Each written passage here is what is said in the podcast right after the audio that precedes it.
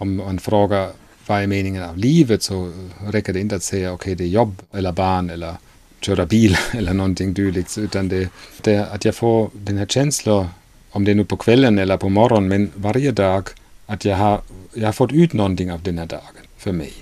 Jag träffade en tysk läkare på en middag hos en god vän för några månader sedan och jag märkte att han hade en hel del intressanta funderingar om livet, om jobbet som kirurg och om allt möjligt annat. Så jag bad honom komma hem till mig en kväll så vi skulle få prata lite mer. Du kan börja med att säga vem du är. Så riktigt personliga detaljerna. Mm -hmm. mm. Skonummer och... Ja, ja, jag heter Thomas Simon och eh, är 45 år gammal. Är ursprungligen från Tyskland och uh, bor nu här i, i Finland, i Österbotten, sedan några fem år sammanlagt ungefär. Och uh, jobbar som kirurg här på ett litet sjukhus vid uh, Finlands svenska kusten. Var växte du upp alltså? Alltså jag kommer från uh, södra Tyskland, uh, nära Frankfurt, en, en mindre stad som heter Heidelberg. När du bodde där och var liten, då, vad tänkte du då att du skulle göra när du blev stor? Hade du några sådana pojkdrömmar om att jag ska bli det och det och sånt när jag växer upp? No, förstås har jag haft drömmar. Alltså det, det börjar med en brandman och polis och vad är det med killar och uniformer? Ja, det är viktigt för killar att, att man har en uniform. I en viss ålder är det kanske viktigt att man, man känner sig kanske starkare än man egentligen är om man föreställer sig att man har en stor uniform på och, och fast en, en vapen vid sidan av uniformen. Men, men det här, sen under tonåren var jag ganska sådär, ska vi säga förvirrad, alltså jag visste inte riktigt. Så blir jag nu konstnär eller blir jag arkitekt eller... Men jag har aldrig tänkt faktiskt på det här yrket, att bli läkare eller kirurg. Så det, det kom faktiskt ganska sent först. det kom efter studentexamen. Ja, alltså det var så att jag, jag kämpade med det här militären. Jag ville inte gå på grund av samvetsorsaker, ville jag inte gå till militären. Jag ville göra civiltjänst och det dröjde länge innan jag blev klar med det här. Alltså man måste under den tiden anhålla om civiltjänsten och det var jättesvårt att få den i Tyskland och först via den här sista domstolen fick jag lov att göra civiltjänst och så dröjde det i två år egentligen efter studentexamen innan det blev klart. Under den tiden eh, hade jag inget att göra egentligen så for jag till ett sjukhus och jobbade där på en inre medicinsk avdelning som praktikant eller, eller hjälpkarl som jag, jag tvättade gamla människor och gav mat åt dem och så märkte jag att det är ett område som jag trivs i, alltså som ger mig också mycket att, att jobba med sjuka människor. Och först tänkte jag, nå, kanske jag blir sjuksköterska och och sen anhållde jag om utbildning och så fick jag faktiskt en plats där men sen blev jag lite fundersam om det räcker för mig och så fortsatte det här funderingar och så var det klart att jag ville bli läkare sen. På grund av den här erfarenhet som mm. jag gjorde på sjukhuset. Fortsättningsvis säger jag även idag mycket tacksam om den här erfarenheten. Att, att jag har faktiskt jobbat ett år just där vid, ska vi säga, första linjen med patienten. Att jag vet hur det känns, att, att jag har själv haft många øh, sådana upplevelser där, där man var utan en läkare. Och, och det, det, hjälper fortsättningsvis att förstå vissa situationer på sjukhus och att komma överens med, med sjukvårdspersonal. Och, alltså det var mycket hjälpsamt, alltså det vill jag inte missa. Och det har jag förstås också märkt under min yrkestid att när jag träffar andra läkare att øh, de som inte har haft den här erfarenheten, att, att det saknas ibland. Ja, för det är många som börjar utbilda sig till läkare för att de har bra betyg och för att det är ett statusyrke också. Mm. Ja, alltså statusen spelar aldrig någon roll för mig. Alltså det, jag kom helt från en annat håll. Alltså, det var det här erfarenhet som jag hade under det här året jag jobbade där på sjukhuset. Just det känns bra för mig och det ger mig mycket. Jag önskar att många läkare skulle ha samma motivering som, som veterinärer, för de blir mm. veterinärer för de tycker om djur. Men många läkare verkar inte tycka om människor. Mm. Ja, det finns ju många läkare som, eller ska vi säga, det finns en vits med när man säger att uh, yrket skulle vara bra om man inte skulle ha några patienter. Men det är lite motsats för mig. Att det var ju samma sak som jag upplevde när jag var i Tyskland i fjol. Att jag var där som ledande överläkare i ett jättestort sjukhus och hade verkligen jättebra jobb. Förtjänade mycket mer än jag förtjänar nu här och var hög uppsatt. Och, men det som jag saknade var patientkontakt. Alltså jag hade så mycket att göra med administration och med utbildning av unga läkare och med, med organisation i själva sjukhuset. Och så jag, jag fick nästan inte träffa de här patienterna om jag ska operera och inte heller efter operation. Och det var så jag blev ringd, jag ska fara till OP och operera, så får jag dit och opererade, och tittade genom pappren bara, patient sov redan i narkos. Och så gjorde jag det här ingreppet och sen får jag ut och, och sen resten av dagen hade jag massor med andra grejer att göra. Så jag, jag hann inte, även fast jag var på sjukhus till klockan nio på kvällen så inte hann jag träffa den här människan som jag har opererat. Och, och det kändes mycket dåligt. Alltså det var, jag får hem sent på kvällen och, och jag var helt otillfredsställd. Alltså det var en dålig känsla. Och det var en av de starkaste grunderna varför jag också hade den viljan att komma tillbaka till Finland. Tillbaka till Finland säger Thomas. Kanske vi ska ta det här från början. Hur kommer det sig att han alls kom till Finland första gången? Det var en, en tid efter min specialisering i Tyskland så först och främst började jag känna av att i tyska sjukvårdssystemet fanns inte så bra möjligheten att utveckla sig själv, att, att få någon framtid som självständig kirurg det var en sak. Och sen var det säkert också lite grann att hela familjen tyckte att det skulle vara spännande att bo ett tag i ett annat land. Att jag har två barn. Eh, de var under den tiden vi flyttade hit eh, åtta och tio år gammal. Och, och vi tyckte att det skulle vara bra också för dem att, att lära känna att en annan kultur. Och, och då var det först frågan, kanske vi ska flytta till England eller Sverige. Och så fanns det en eh, europeisk databas som jag hittade en enda annons angående Finland och det var Jakobstad. Och, och, så fick jag kontakt med en chefsläkare som var otroligt trevligt. Och så tyckte jag det, det låter intressant och så får jag hit på besök och ja, fastnade här. Jag ber Thomas berätta om sitt första besök i Finland. Ja, det var en otroligt fin sommar som man aldrig kommer att glömma som, jag, som jag vet nu i dagsläget inte så ofta. Men då tänkte jag förstås när jag upplevde den sommaren att jo, så är det i Finland. Det är riktigt het på sommaren. Det var i början av juli. Det var över 30 grader varmt och, och, jag kommer ihåg när jag kom, steg ut från det här flygplanet. Förstås hade jag klätt på mig ordentligt med kavaj och slips och allt det. Man måste ju vara finklädd när man kommer på besök och anhåller om, om arbete. Och så mötte jag den här chefsläkaren där som stod på flygfältet i shorts och t-skjortan och, och jag svettades nästan ihjäl i min kavaj. Och så körde han mig först till stadshotellet där jag bodde de här dagarna och, och sa nu ska du fara till bastu. Och jag tänkte bara, vad ska jag göra i bastun? Det är ju sommar, det är 30 grader, jag svettar och inte ska jag fara till bastu. Men eftersom han sa det så gjorde jag det och förstås kände jag mig bättre efteråt. Och så, så får vi ut till Feboda och satt där och åt och det var riktigt, som sagt 30 grader, även på kvällen var det långt över 20 grader. Vilken sommar var det här sa du? Det var 2002. jag tänkte okej, okay, alla har sagt att det är mörkt och kallt i Finland, det kan inte vara sant. Så Thomas fick kanske en lite felaktig bild av vädret i Finland? Det var inte bara vädret, det var också, eh, om jag kommer på en annan sak, att han sa när, när jag kom hit så sa han, jo vi är ett tvåspråkigt land så det är nog bra med svenska, du ska lära dig svenska först och sen i eh, andra skedet sen finska. Men nu klarar du, du det med svenska här överallt. Vi är ett tvåspråkigt land och sådär. Det var lite likadant som med den här sommaren som jag upplevde. Att det var inte riktigt på det sättet som han sa. Så. Alltså. Men eh, ändå tycker jag inte att jag fick en falsk bild. Kanske jag var lite, lite för bra sommar. Men det var i alla fall var det viktigt för mig att jag fick den här känslan att jag vill komma hit och jobba.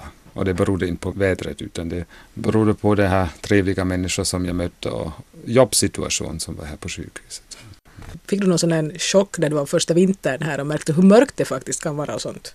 Ja, nu måste jag berätta kanske lite mer. Alltså, riktigt, att jag riktigt märker hur mörkt och, och, och kanske hur trist det kan vara är egentligen först i år.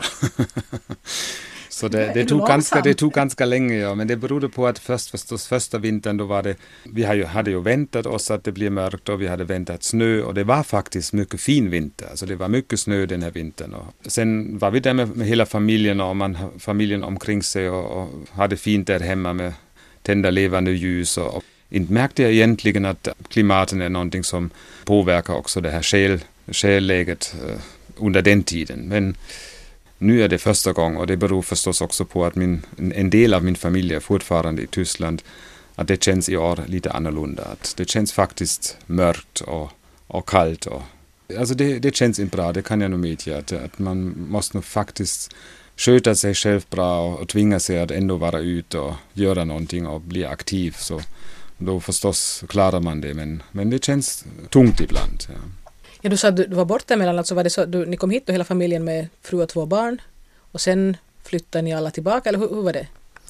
År 2003 kom, först, kom jag hit först eh, där i början av år 2003 och sen på sommaren 2003 kom resten av familjen, alltså min, min hustru och båda barn.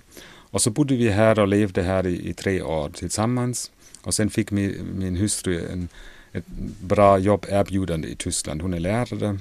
Och uh, så fattade vi beslut, okej okay, nu är det dags för henne att, att utveckla sig också i jobbet. Och därför flyttade vi i, i slutet av 2006 respektive början 2007 tillbaka till Tyskland. Ett år bodde hela familjen i Tyskland. Sen flyttade Thomas tillbaka till Jakobstad med sin son. Det var nästan svårast för honom att fara från Finland tillbaka till Tyskland. Han ville inte. Ja. Han sa nästan varje dag pappa och mamma, jag vill tillbaka till Finland. Jag, jag vill inte vara här, jag tycker inte om det här skolor och jag tycker inte om, om livet här som det är. Och jag vill tillbaka till Finland, det sa han nästan dagligen. Så var det han som drev på nästan det här att han ville? Nå, för mig var det förstås ju det här att jag märkte också att min, min hustru ville gärna stanna där i Tyskland och, och jobba i sitt yrke. Och då var det en jättesvår diskussion att, att eh, få, få någon lösning som egentligen inte finns. Ja, en del av familjen längtar efter ett ställe och en annan del vill egentligen vara kvar där. Så det var många diskussioner och, och förstås framförallt min son eller vår son, han, han krävde riktigt att han ville tillbaka till Finland. Och, och då var det nästan avgörande att, att vi, vi kände, okej okay, det, det är en kort tid som barn, de måste gå till skolan och å andra sidan är det en mycket viktig tid att de får ju mycket för deras självförtroende och för deras uh, livsbild att vad de har för upplevelser under skoltiden så tyckte vi att, att det är nog viktigt att han får det som han önskar. Därför blev det beslut på det sättet att, att jag och han kommer hit i första skeden och tillbaka och sen måste vi avgöra hur det fortsätter. Kändes det som en uppoffring att komma hit Att du tyckte att det var... Ja, ibland känns det så. Alltså, ska vi säga som så att uh, jag är mycket glad att, att kunna vara här på grund av jobbet. Alltså, arbetssituationen här i, i Finland är för läkare mycket bättre än, än, i Tyskland. Jag har jobbat i Tyskland under det här året. Jag var där mellan 60 och 90 veckotimmar och uh, det fanns nästan ingen kontakt mer med familjen. Därför om jag var hemma... Lika lite kontakt då som här? Nästan. Alltså jag har faktiskt nästan mera kontakt. Alltså, vi talar i telefon minst en timme varje dag. Det är faktiskt sant att, att vi har nog mera samtal egentligen än under den tiden som jag jobbade i Tyskland. Då var jag nästan bara på sjukhus. Alltså på det sättet är det egentligen, är jag nöjd att jag kan vara här och, och jag, jag trivs mycket i den här arbetssituationen. Jag har en jättebra kontakt med mina patienter som är egentligen viktigast i mitt yrke för mig. Men eh, jag saknar mycket den här familjära helheten. Alltså jag saknar mycket att vara i, i en hel familj. Och då känns det ibland om, om humöret går ner så då får man lite det här uppoffringskänslor att okej, okay, jag är bara här för, för min sons skull. Som inte stämmer, men det känns där ibland så.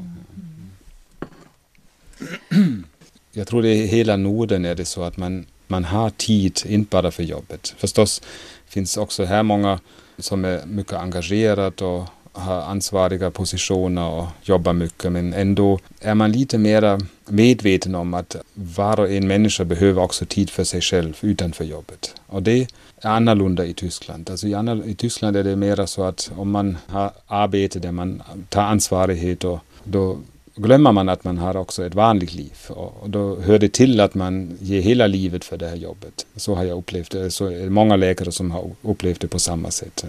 Och eh, därför var det mycket bra upplevelse när vi kom till Finland att här fanns tid för jobb som man kunde engagera sig men också tid för, för livet utanför jobbet. Jag frågar om det finns några andra skillnader som Thomas har fäst sig vid när han jämför de här två länderna? Ja, det finns, finns uh, många sådana saker. Alltså, ska vi säga börja från sådana ytliga grejer att eh, en tysk kan inte tro på att man faktiskt offentliggör inkomster av alla människor här i landet. Alltså det var en sak som vi blev jätteförvånade över. Först tänkte vi det var en saga när de berättade åt oss, men sen läste vi ju faktiskt i tidningen att, att det står, alltså det är som en mycket stor skillnad mellan Tyskland och Finland. Att det är otänkbart i Tyskland att, att folk vet vad, av varandra vad, vad man förtjänar. Alltså det, Och uh, att alla har en nummer i Finland. Och, har det ni? Nej, inte finns sådana nummer i Tyskland. I Tyskland har man ett namn och kanske en adress. Det är allt. Ja. att alla sådana såna data är, så där öppet. Alltså att uh, samhället vet om allt egentligen och det fortsätter ju också i små detaljerna. Att när jag berättar åt mina vänner här i Finland att jag har träffat någon människa så första som de funderar på är aha, vad heter han eller hon? Ja, just så, han, han är släkt med den och hans far gjorde det och hans mor kommer därifrån. Och det är så viktigt att man vet allt om folk. Eller åtminstone man har den här känslan att man vet, fast det är inte så viktigt vad man vet. Men man måste ju ha lite koll på allt. Thomas Simon har hamnat mitt i den finlandssvenska ankdammen där folk har koll på varandra kanske det också, jag har aldrig bott i en, en så liten stad som i Jakobstad förr. Eh, där i Tyskland, fast det var en by, så var det ju ett mycket tätbebyggt område och det var mycket mer anonymt där. När jag gick dit till, till slakteri eller till affären, småaffärerna, ibland träffade jag någon som jag kände, men för det mesta var det okända människor där och det spelade ingen roll vilka kläder jag hade på och hur jag betedde mig, alltså ingen känner mig. Alltså att man är i det här samhället så pass eh, noggrann med att man vet allt och det var lite främmande i början. Och förstås hade jag sina sidor som vi också tycker om. att eh, När vi flyttade hit så har min hustru förlorat sin husnyckel och det var, fanns också bilnyckeln och allt på det här nyckeln. Och eh, hon hade en liten bild av sin son där.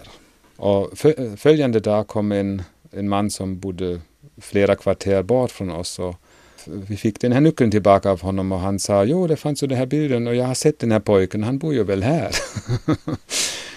och, och det här, alltså det ger ju också på sätt och vis en, en bra trygghet. Vad tror du själv då, skulle du faktiskt om du skulle lyckas få hela familjen övertygad om att de ska bo i Finland, skulle du vilja stanna här eller ser du det som en tillfällig lösning tills din son har gått ut skolan? Det är en svår fråga, men jag tror nu för tillfället känner jag mig som lite, ska vi säga, flytande. Nu kan jag tänka mig förstås att, att leva längre i Finland, men livet känns för tillfället och det beror säkert på att, att, att jag är ensam med min son här och att vi hade så mycket trassel med flyttning fram och tillbaka. Och, eller ska vi säga som så, jag, jag, jag är öppet för allt. Alltså, jag kan tänka mig kanske ett tag, jag bor också i Sverige eller jag far till Afrika och jobbar där. Eller. För tillfället har jag inte den här driften att, att jag vill stanna på ett ställe resten av livet ut. Den här känslan har jag inte. Jag trivs här och, och jag kan också tänka mig att bli gammal här. Men ändå är det den här livskänslan som jag har för tillfället mer sån här flytande. Så jag, jag ser vad som händer och jag är öppen för, för allt vad som kommer också. Alltså jag vill inte sätta fast någonting just nu. Vi pratar vidare och kommer in på helt andra saker. Vi kommer in på döden. Hur förhåller sig Thomas som är läkare till det här med döden? Ja, det är en jättesvår fråga och jättestor fråga. Alltså det, det är säkert någonting som man kunde diskutera en hel kväll eller flera kvällar. Men att möta döden, det har jag upplevt redan förstås under det här året när jag var 19 år och jobbade på sjukhus. Och då har jag första gången i mitt liv upplevt det. Och, och det var mycket bra på det sättet att jag hade en eh, en sjuksköterska, alltså han var, han var avdelningschef där på den här inre medicinsavdelningen och, och han var lite som en far under den tiden. Alltså han tog mig med och berättade lite hur man hanterar det och hur man, hur man klarar att möta den här döende människor och sen när patienten har dött att, att det fortsätter man sköta den, man tvättar den och gör den fint och tar bort alla, alla tecken av medicinsk hjälp och låta familjen vara i fred med, med, med den här bortgångna människan. Och, och sen till sist förde vi honom eller henne till källaren där, där man bevarade dem. Och, så det var egentligen mycket bra på det sättet att jag märkte okej, okay, det är någonting som är svårt att hantera men å andra sidan man kan hantera det. Och, och jag tror just i det här sammanhanget att man, man har sett den här människan före, man har sett hans lidande och har förstått eh, hans familjesituation och varit med om det ena och det andra under det här lidande tid så, så då, då går det egentligen mycket bra att, att ta det emot att han också måste dö. Att det ganska ofta är också en lättnad för patienten själv och också ganska ofta för, för hans anhöriga när det gäller gamla människor. Däremot finns det förstås många upplevelser som man inte kan så lätt att hantera om det gäller unga människor som, som har drabbats av trafikolyckor eller av, av hemska sjukdomar som, som är sällan, men de, de händer ju också.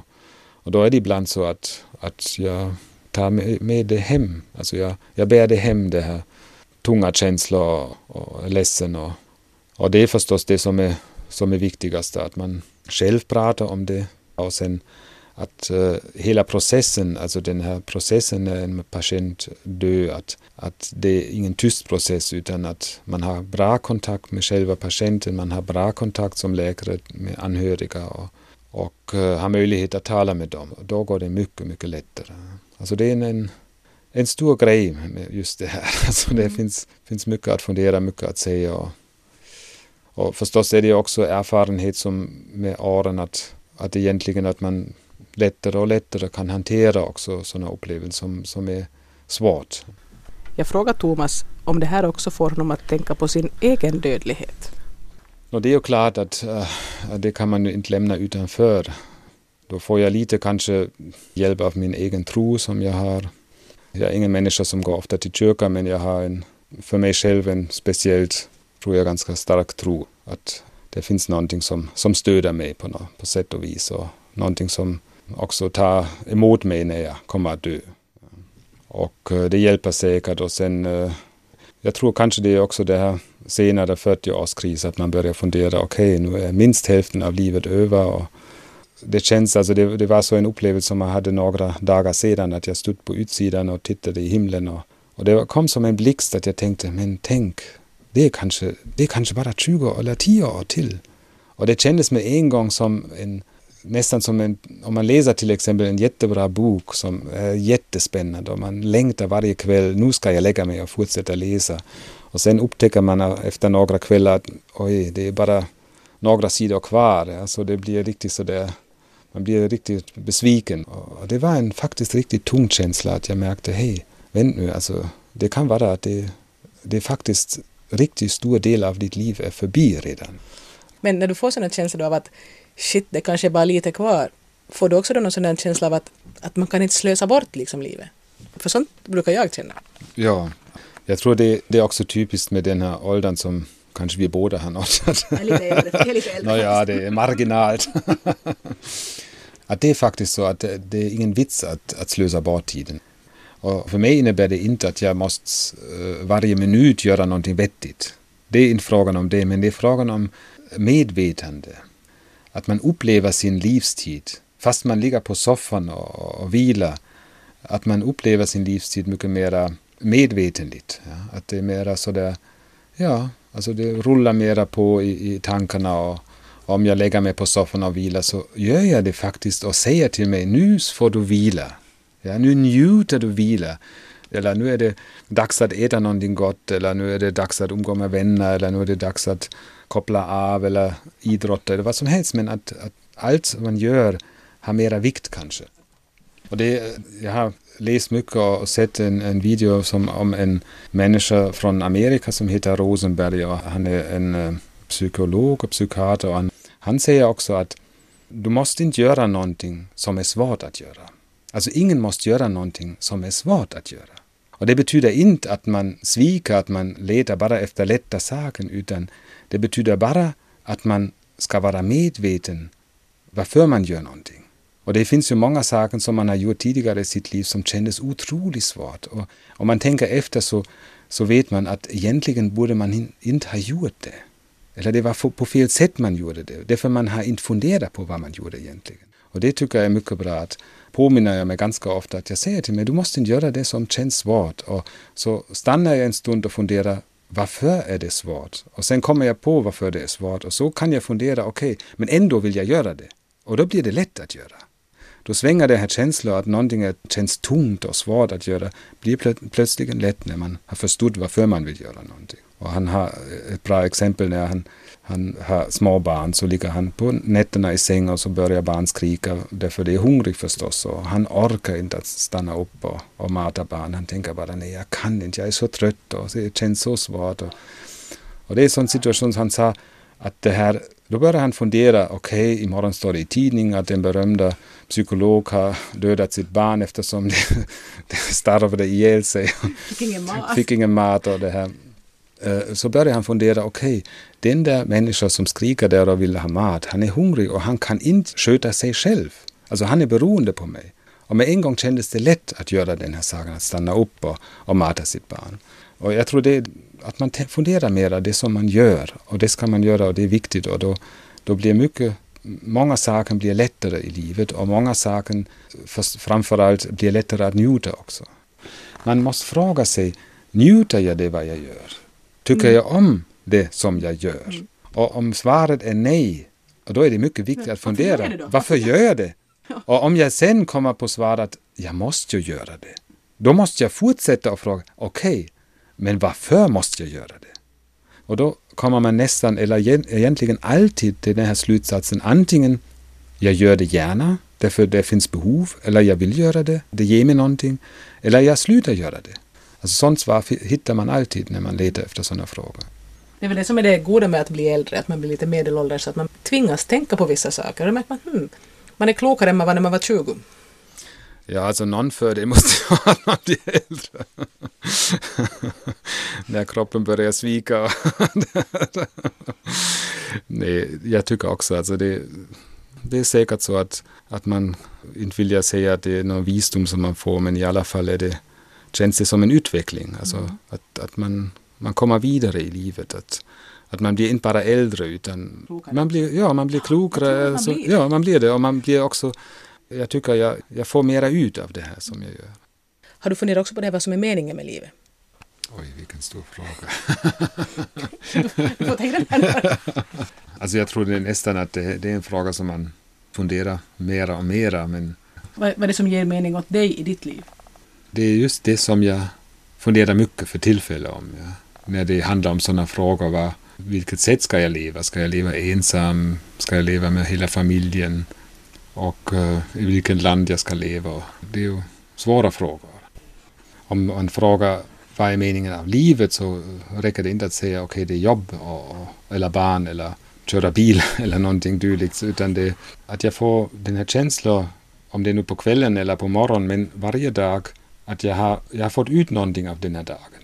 Jag är säker på att om jag, får den här, om jag har den här känslan, jag har fått ut någonting, då har också andra människor som har umgås med mig eller som, som jag har varit tillsammans den dagen, har fått ut någonting. Därför jag har gjort någonting som, som har tillfredsställt mig, mina behov och, eh, och den här känslan jag gjorde någonting vettigt innebär att jag har gjort någonting som är till nytta också till andra människor.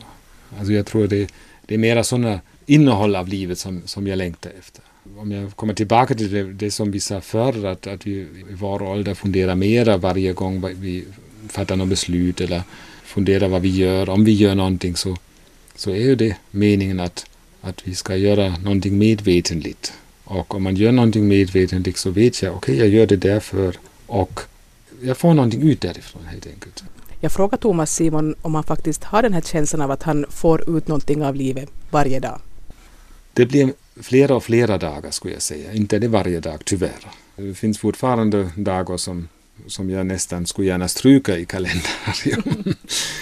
som dag fanns igår till exempel. Men det, det blir mindre och mindre eller flera och flera sådana dagar som jag hade den här känslan. Det var en bra dag eller det var en dag som fast den kändes tungt eller fast den kände, jag är ledsen på kvällen eller på morgonen. Att jag har fått ut någonting. Jag har upplevt mig och eh, det som jag gjorde som någonting som, som gav någonting. Och det blir, det blir mer och mer sådana dagar i samband med det här eftertänkande, med det här funderingar att okej, okay, jag flyter inte bara in i en dag utan jag, jag frågar mig varför gör, gör jag det? Är det det som jag vill göra? Om det inte är det som jag gör, vill göra så slutar jag göra det och gör någonting annat istället. Alltså, desto mer sådana funderingar kommer in i bilden, desto oftare har jag sådana dagar som, som jag tycker jag, fast det var bara kanske en kort samtal med min son som var som var viktigt. Eller ett annat bemötande med min son. Att vi, vi mötes på något annat sätt som vi inte tidigare har gjort. Eller ja, sådana saker ger mycket. Det där lät ju hemskt klokt. Det inte behöver vi ha så mycket mer om inte du har något som du absolut vill tillägga. Ursäkta för min dålig svenska. Din svenska är helt bra.